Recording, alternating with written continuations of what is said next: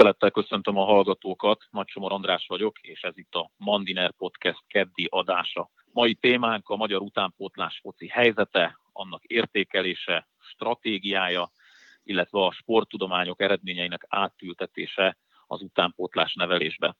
Vendégem dr. Zalai Dávid, a sporttudományok doktora, aki jelenleg az MTK Budapest alkalmazásában áll, és a teljesítménydiagnosztika elismert szakembere, ezen felül egyetemi szintű sportmenedzsment és UEFA labdarúgó menedzsment képesítésekkel is rendelkezik. Szervusz, Dávid! Szervusz, és köszöntöm a hallgatókat. Először beszéljünk egy picit arról, hogy a sporttudományok átültetése a labdarúgásba az mit is jelent itt Dióhéjban. Ennek a kérdésnek a megválaszolása egy kicsit holisztikusabb megközelítést kíván. A 90-es évek végét, illetve a 2000-es évek elejét jelölhetjük meg a sporttudomány labdarúgásba történő integrációjának a fordulópontjaként, mivel ezen a ponton ismerték fel Nyugat-Európában a sporttudomány egyre erősödő jellegét, fontosságát a labdarúgáson belül, és innentől fogva kezdtek el sporttudományi munkacsoportok foglalkozni a játékosok teljesítményének fejlesztésével, a különböző sérülésprevenciós programok tudományosan megalapozott módszereinek kimunkálásával. És ez az elmúlt évtizedekben folyamatosan, szignifikánsan és egyre progresszívebben erősödött, illetve nyert teret, aminek eredményeképpen napjainkra már több tíz fős munkacsoportok dolgoznak felnőtt csapatoknál és akadémiákon egyaránt a játékosokkal. A Magyarországon is dolgozó belga Double Pass cégnél például külön munkacsoport foglalkozik a sporttudomány auditálásával, minőségellenőrzésével Európa és világszerte az akadémiák minőségi hatékonyságának vizsgálata során, ami azt gondolom hűen tükrözi a terület fontosságát és jelentőségét már az akadémiai képzés tekintetében, különösképpen, mivel ma már olyan jelentős fizikai és mentális teljesítménykényszernek vannak kitéve a játékosok, amely már utánpótlás kortól kezdődően az akadémiai képzés során megalapozott sporttudományi, multidisziplináris, a társterületek bevonásával történő fejlesztés nélkül nem lehetséges.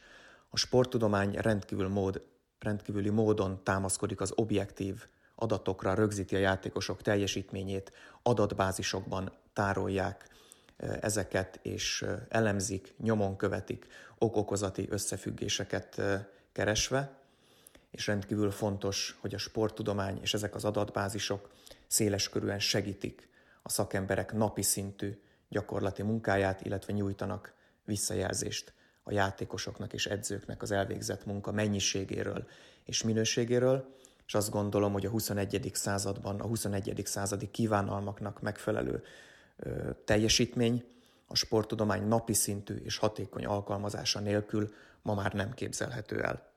Felmerül a kérdés, hogy hol tartunk Magyarországon.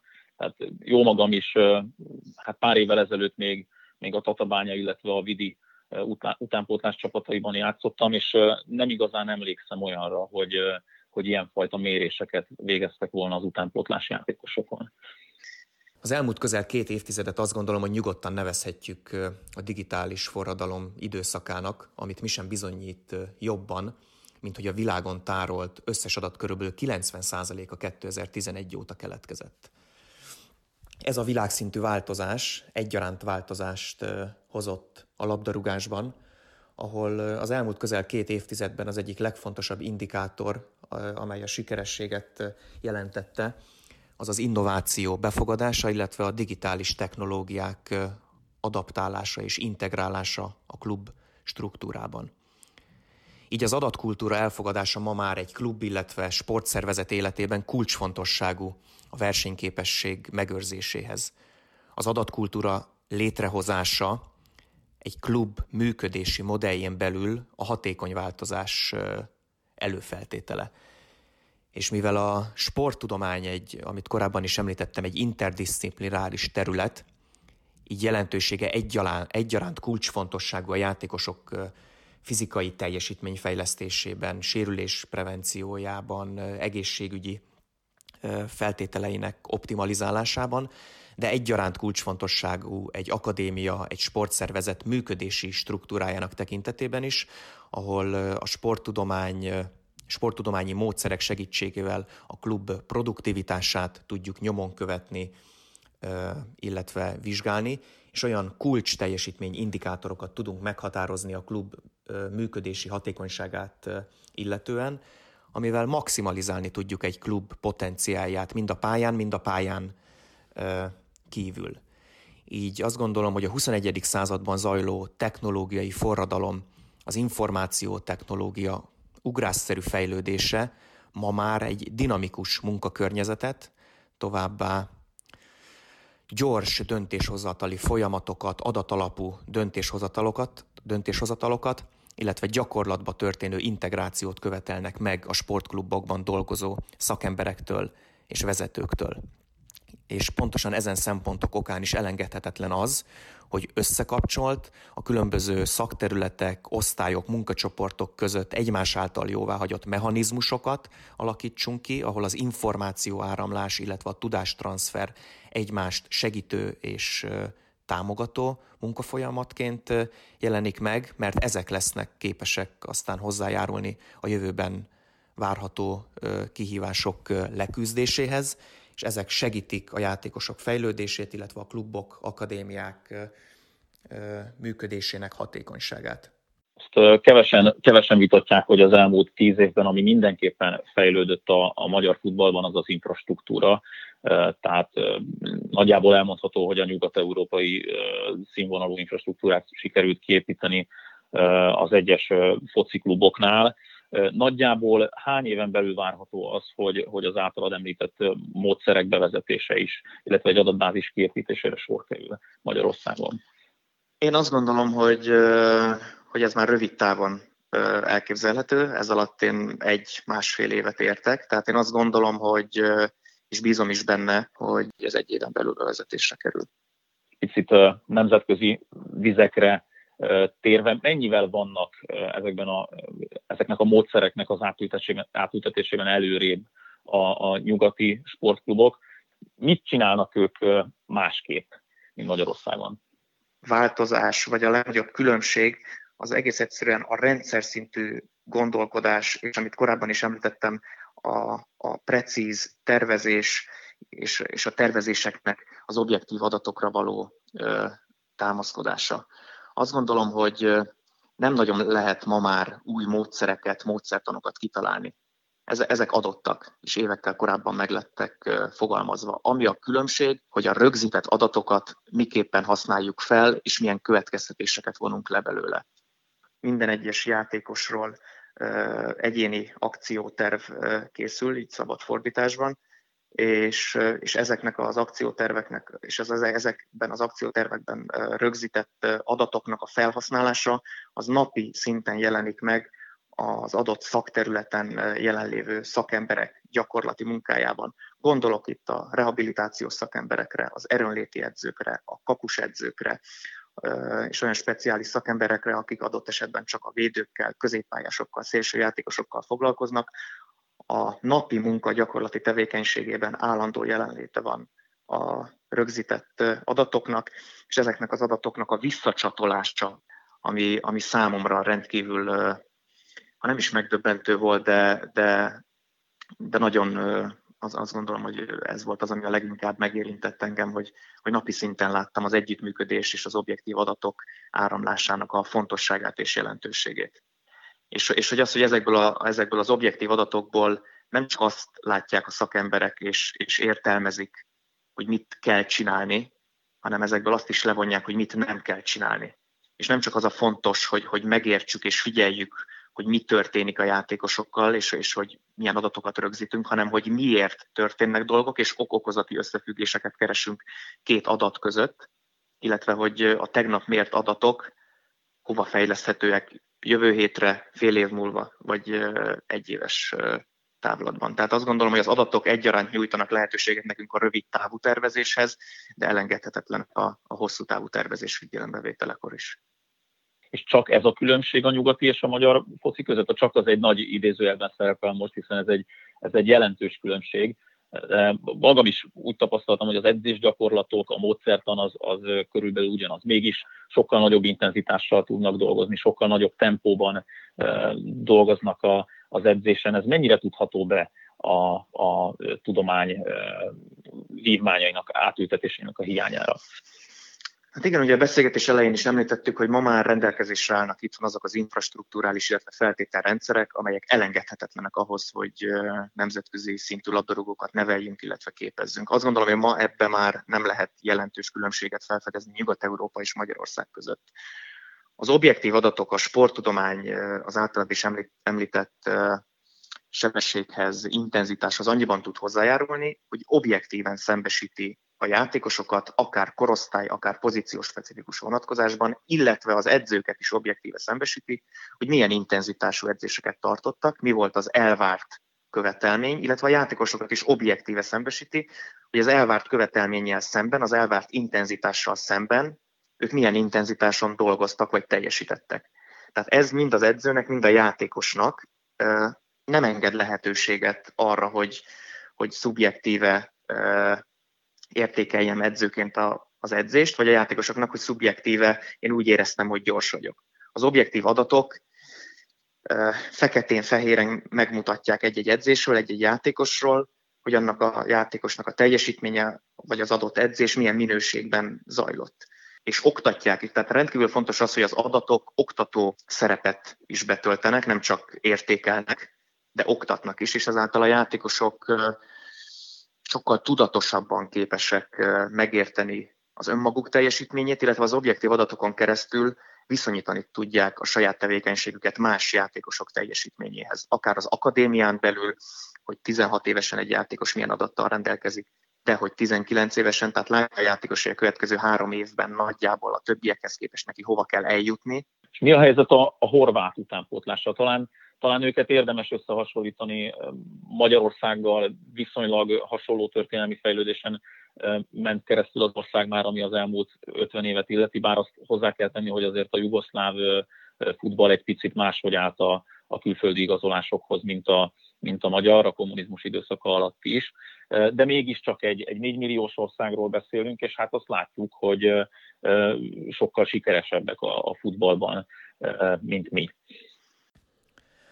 Fontos megemlíteni, hogy a horvát labdarúgó válogatott már 1998-ban világbajnoki harmadik helyezést ért el, és mint korábban is említettem, itt a 90-es évek vége és a 2000-es évek eleje volt talán az a fordulópont, ahol a sporttudomány egyre erősödő jellege okán fontosabb szerepet kapott a labdarúgásban, és a sporttudomány használ egy olyan kifejezést, hogy stratégiai inflexiós pont.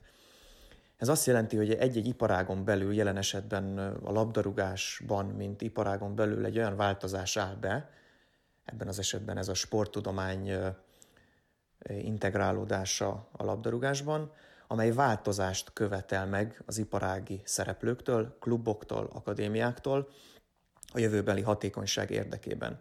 Én azt gondolom, hogy a sporttudomány jelentőségét felismerve a 2000-es évek elején a horvátok módosították a képzési stratégiájukat, aminek eredményeképpen rendkívül sok horvát utánpótlás játékost tudtak exportálni a top nyugat-európai bajnokságokban, és mindezt egy olyan proaktív szemlélettel tették, ami azt gondolom, hogy nem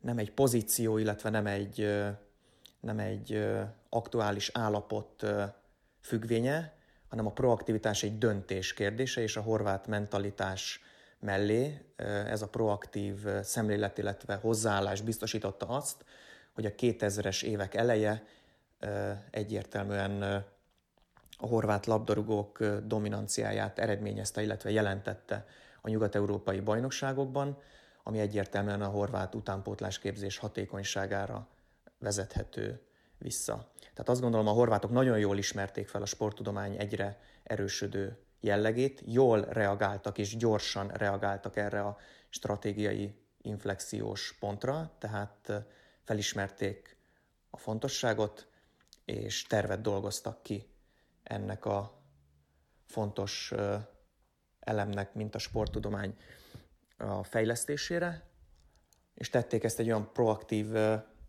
hozzáálláson keresztül, amelynek eredményeképpen a horvát labdarúgás sikeres volt az elmúlt évtizedekben.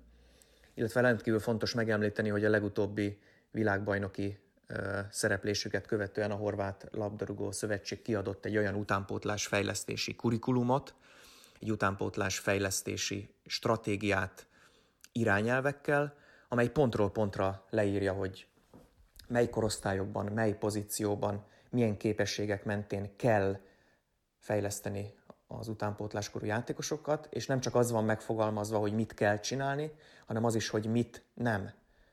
És pontosan ezen szempontrendszerek és konkrétan, precízen megfogalmazott szempontok miatt. A rendszer felülvizsgálható, a rendszer nyomon követhető, és az előre meghatározott periodicitással végrehajtott felülvizsgálatok biztosítják a különböző korrekciók vagy fejlesztési javaslatok újrafogalmazását, módosítását, ezért a rendszer egy folyamatos fejlődésen és innováción megy keresztül, ami, mint már korábban is említettem, azt gondolom, hogy a 21. század alapvető feltétele a sikerességhez. Hazai vizekre elvezve egy picit. Nem tudom, hogy hogy látod. Az én személyes tapasztalatom az, amikor a, a Vidivel is, vagy akár a, a tatabányai utánpótlással nemzetközi tornákon részt vettünk. Én egyrészt tapasztaltam egy, egy fizikai erőnléti lemaradást, akár más közép-európai országokhoz képest, például a Szlovákiához képest, tehát szerintem a szlovák játékosok kifejezetten jobb állóképességű fizikumú játékosok voltak. Másrészt különösen Nyugat-Európához képest egy fejben lévő lemaradás, vagy egy mentális gondolkodásmódbeli lemaradás. Én sokszor éreztem azt, hogy a magyar focisták, köztük jó magam is, hozzájuk képest görcsösek voltunk, vagy volt egy nagyobb megfelelési kényszer, nem tudtunk úgy feloldódni a pályán. Ezt hogy látod? Hát ez, amit most említettél, ez is egyértelműen a, a, a sporttudomány ernyője alá tartozik, hogyha, hogyha szabad így fogalmaznom. És azt gondolom, hogy ma már a 21. században, a 21. századi utánpótlás képzés alapja. Tehát az a bázis, hogy a játékosok atletikus, fizikális képességei maximálisan ki legyenek aknázva, és a legtudományosabb fejlesztési módszereken, módszertanokon menjen keresztül. Ma már Nyugat-Európában nem elég, hogy valaki gyors vagy erős, ezen szempontoknak mentálisan is meg kell felelni, tehát gyorsan kell döntéseket hozni, illetve erős mentális képességekkel kell rendelkezni, hogy már utánpótlás szinten 16-7-8 évesen is olyan mentális nyomást kell tudni elviselni, amely aztán nyilván az évek előre haladtával folyamatosan nő, illetve lesz frekventáltabb, gyakoribb, és ehhez, ehhez nem elég csak az adottság, tehát itt különböző kérdőíveken, felmérési protokollokon, beszélgetéseken keresztül kell fejlődni, illetve, illetve visszacsatolni. Tehát nagyon fontos az, amit korábban is említettem, hogy ezek az adatok, ezek a fejlesztési protokollok oktatják a játékost, és tudatosabbá teszik az ő, az ő önképét, az ő saját maga bepozícionálását csapaton, akadémián, pozíción belül, és, és nem csak a, a, a különböző képzési licenszeken keresztül, nem csak a, az edzőket kell képezzük, hanem ezeken az adatokon keresztül a játékosok tudatosságát is, az élethez való tudatosságát, a labdarúgáshoz. És azt gondolom, hogy ha ezt tudatossággal tudjuk párosítani és folyamatos oktatással, akkor az a mérkőzéseken, a nemzetközi tornákon, illetve az utánpótlás versenyrendszereken keresztül is tapasztalható lesz, bizonyítottan tapasztalható. Amikor az interjúra vagy a beszélgetésre készültem, akkor engem nagyon meglepett, hogy több nyugat-európai országban már azt csinálják, hogy a kevésbé fizikailag kevésbé fejlett játékosokat mondjuk egy korosztályos csapatban külön foglalkoznak velük, illetve a fizikai jobban fejlett játékosokkal szintén külön foglalkoznak. Hát ez teljesen érthető, hogy mondjuk egy U15-ös csapat esetében egy 180 centi magas, 80 kilós futbalista, futbalistával egy, egy fizikailag kevésbé fejlett játékos nagyon nehezen veszi fel a versenyt, és ilyen szempontból észszerűtlen is őket versenyeztetni egymással. Ez hogy áll ide-haza? Külföldön több klub kezdett már el alkalmazni olyan rendszereket, hogy egy adott korosztályon belül két csapatot indítanak például, ahol elszeparálják azokat a játékosokat, amelyek mondjuk az adott korosztályhoz képest akceleráltak, tehát előrébb haladottak a saját korosztályuk átlagához képest, illetve külön kezelik azokat a játékosokat, amelyek a saját korosztályuk átlagához képest lassabban érnek, tehát mondjuk adott esetben kisebbek, vagy a testsúlyban elmaradottak az átlaghoz képest, így biztosítva azt, hogy megmaradjon az a mentális egészség, egészségi önképük, hogy nem érzik magukat elnyomva az akcelerált játékosok fizikai adottságaihoz, gyorsaságaihoz, test ereje, erejéhez képest.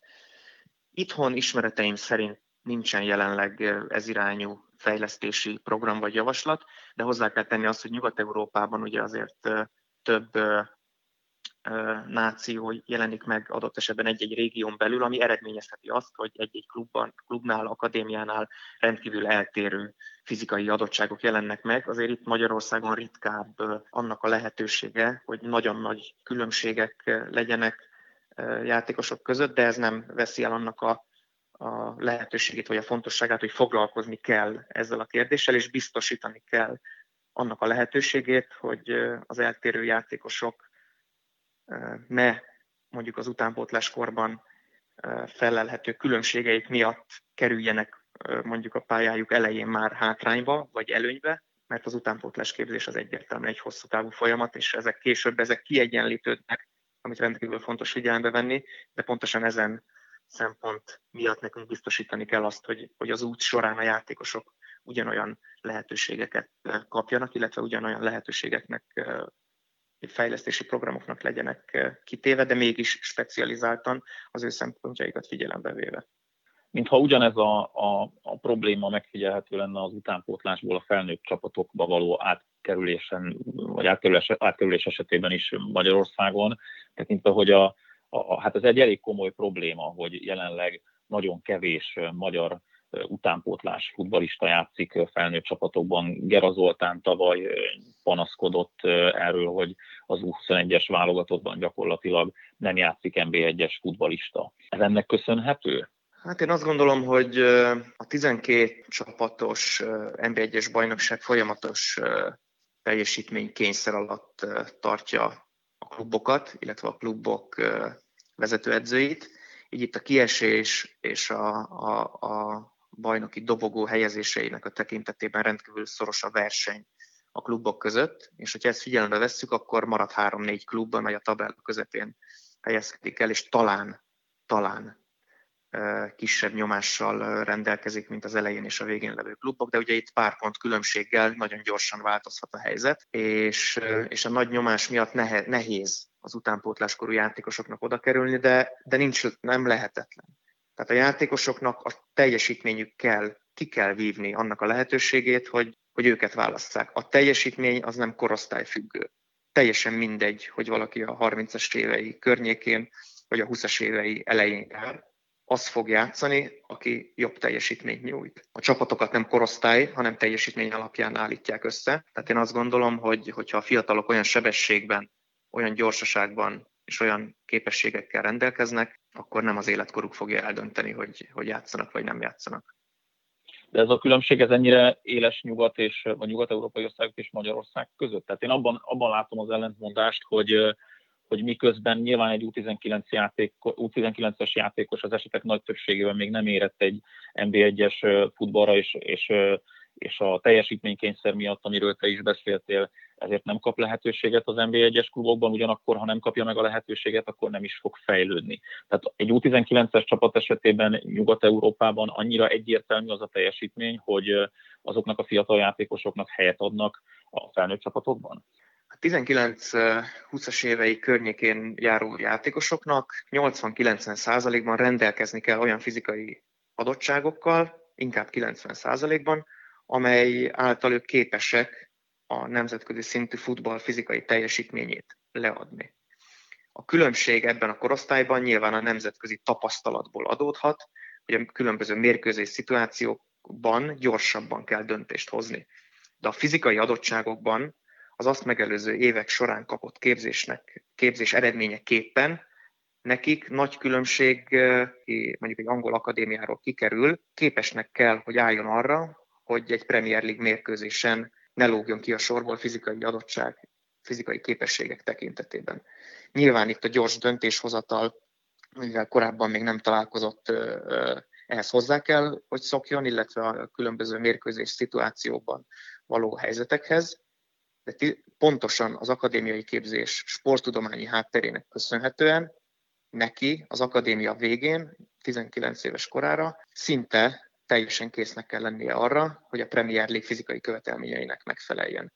És az objektív adatok, a Premier League-ben rögzített objektív adatok pontosan a szem előtt vannak az akadémiai képzés során, tehát látja, hogyha ő a Premier League-ben akar játszani, akkor milyen teljesítmény adatokat kell produkálnia, ahhoz képest ő halál 16, 17, 18 évesen, mennyit közeledett ezekhez az adatokhoz képest.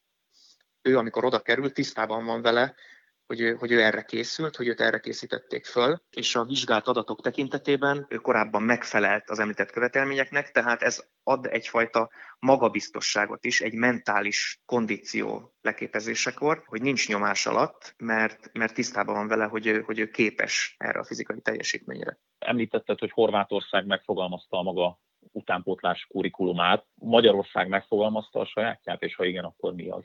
A magyar labdarúgó szövetség már 2010-ben megfogalmazta azt, hogy ez egy legfontosabb célkitűzése, az az utánpótlás képzés, az utánpótlás nevelés fejlesztése, és hogy minél több magyar utánpótláskorú játékos, magyar utánpótlás akadémiáról kikerülő játékos kapjon szerepet a magyar bajnokságokban. Azt gondolom, hogy a magyar labdarúgás legfőbb célkitűzésének annak kell lenni, hogy minél minőségibb és megalapozottabb utánpótlás fejlesztést érjen el, biztosítson vagy tegyen lehetővé. Én azt gondolom, hogy a magyar labdarúgásban dolgozó szakembereknek, illetve dolgozó kollégáknak is az egyik legfontosabb célkitűzése, hogy, hogy segítsük, neveljük, fejlesszük az utánpótláskorú játékosokat minden elérhető szempontrendszeren, illetve ma már elérhető technológián keresztül. És a legfontosabb célkitűzésünknek az, az kell, hogy legyen, hogy ezeket az utánpótláskorú játékosokat nemzetközi szintre képezzük és fejlesszük, illetve biztosítsuk annak a lehetőségét, hogy ők elérjék azt a nemzetközi szintet, amely, amely ma Nyugat-Európában jelen van, és az elmúlt években folyamatosan fejlődött. Én azt gondolom, hogy, hogy a kormány és a Magyar Labdarúgó Szövetség megteremtette annak a lehetőségét, hogy a szakemberek nemzetközi körülmények között és nemzetközi feltételrendszerek mellett tudnak dolgozni. Most és a következő éveknek a feladata az, hogy a szakemberek nemzetközi szintű munkát végezzenek ezen nemzetközi szintű feltételrendszerek mellett, aminek az kell, hogy az eredménye legyen, hogy nemzetközi szintű játékosokat tudunk kinevelni. Ez kell, hogy legyen a magyar labdarúgásban dolgozó szakembereknek a következő évek célja, és azt gondolom, hogy ami még nagyon fontos, hogy ez csak is kizárólag együtt sikerülhet. Én azt gondolom, hogy folyamatosan együtt kell működjünk, és kölcsönösen, kollektíven kell egymást segítenünk módszerekkel, feladatrendszerekkel és egyénileg kell döntéseket hozzunk, amelyeket később egy kollektív felelősségvállaláson keresztül kell, hogy értékeljünk. Akkor te bizakodó vagy, és azt mondod, hogy nem késnünk kell semmivel amióta élek szinte sportoló vagyok, úgyhogy folyamat, tehát az én jellemem az egyértelműen bizakodó, de én azt gondolom, hogy az elmúlt évek folyamatait figyelembe véve is bizakodnom kell, és ismerve a kollégáimat, ismerve a magyar labdarúgásban dolgozó szakembereket is bizakodó vagyok. Én azt gondolom, hogy rendkívül sok nyitott, magasan kvalifikált és jó szakember dolgozik ma a magyar labdarúgásban, de sokkal többet kell együttműködjünk, sokkal több tudást kell egymás között megosztanunk, és meg kell teremteni egy olyan platformot, ahol, ahol közösen tudunk gondolkodni. Én azt gondolom, hogy rendkívül fontos lenne a következő években, hogy legyen lehetőségük a magyar szakembereknek folyamatosan előre megszervezett körülmények között közösen ötletelni, gondolkodni, tervezni, és, és később ezeket a közös terveket felülvizsgálni, értékelni, mi működött, mi nem működött, miért működött, vagy miért nem működött. Lehetőséget kell biztosítani a közös kommunikációra, mert nagyon sokan csak lokálisan dolgozunk, tevékenykedünk, de nagyon sokan kíváncsiak lennénk, hogy mások miképpen dolgoznak, tevékenykednek, és, és azt gondolom, hogy meg kéne teremteni annak a lehetőségét, hogy együtt, közösen gondolkodjunk, és fejlesszük a magyar labdarúgást olyan módszereken és ötleteken, elméleteken keresztül, amelyek rendelkezésre állnak, csak meg kell osszuk egymással. Dávid, nagyon szépen köszönjük, hogy elfogadtad a meghívást, és hogy itt voltál. Sok sikert kívánunk a munkádhoz, illetve reméljük, hogy a munkád során a magyar foci is számos sikert hoz majd, hogy megörvendeztessen bennünket. Köszönöm szépen a beszélgetés lehetőségét és a jó kívánságokat, és minden jót kívánok. Hallgatóinak pedig köszönjük a megtisztelő figyelmet. Pénteken találkozunk legközelebb, addig is minden jót kívánunk, viszont hallásra!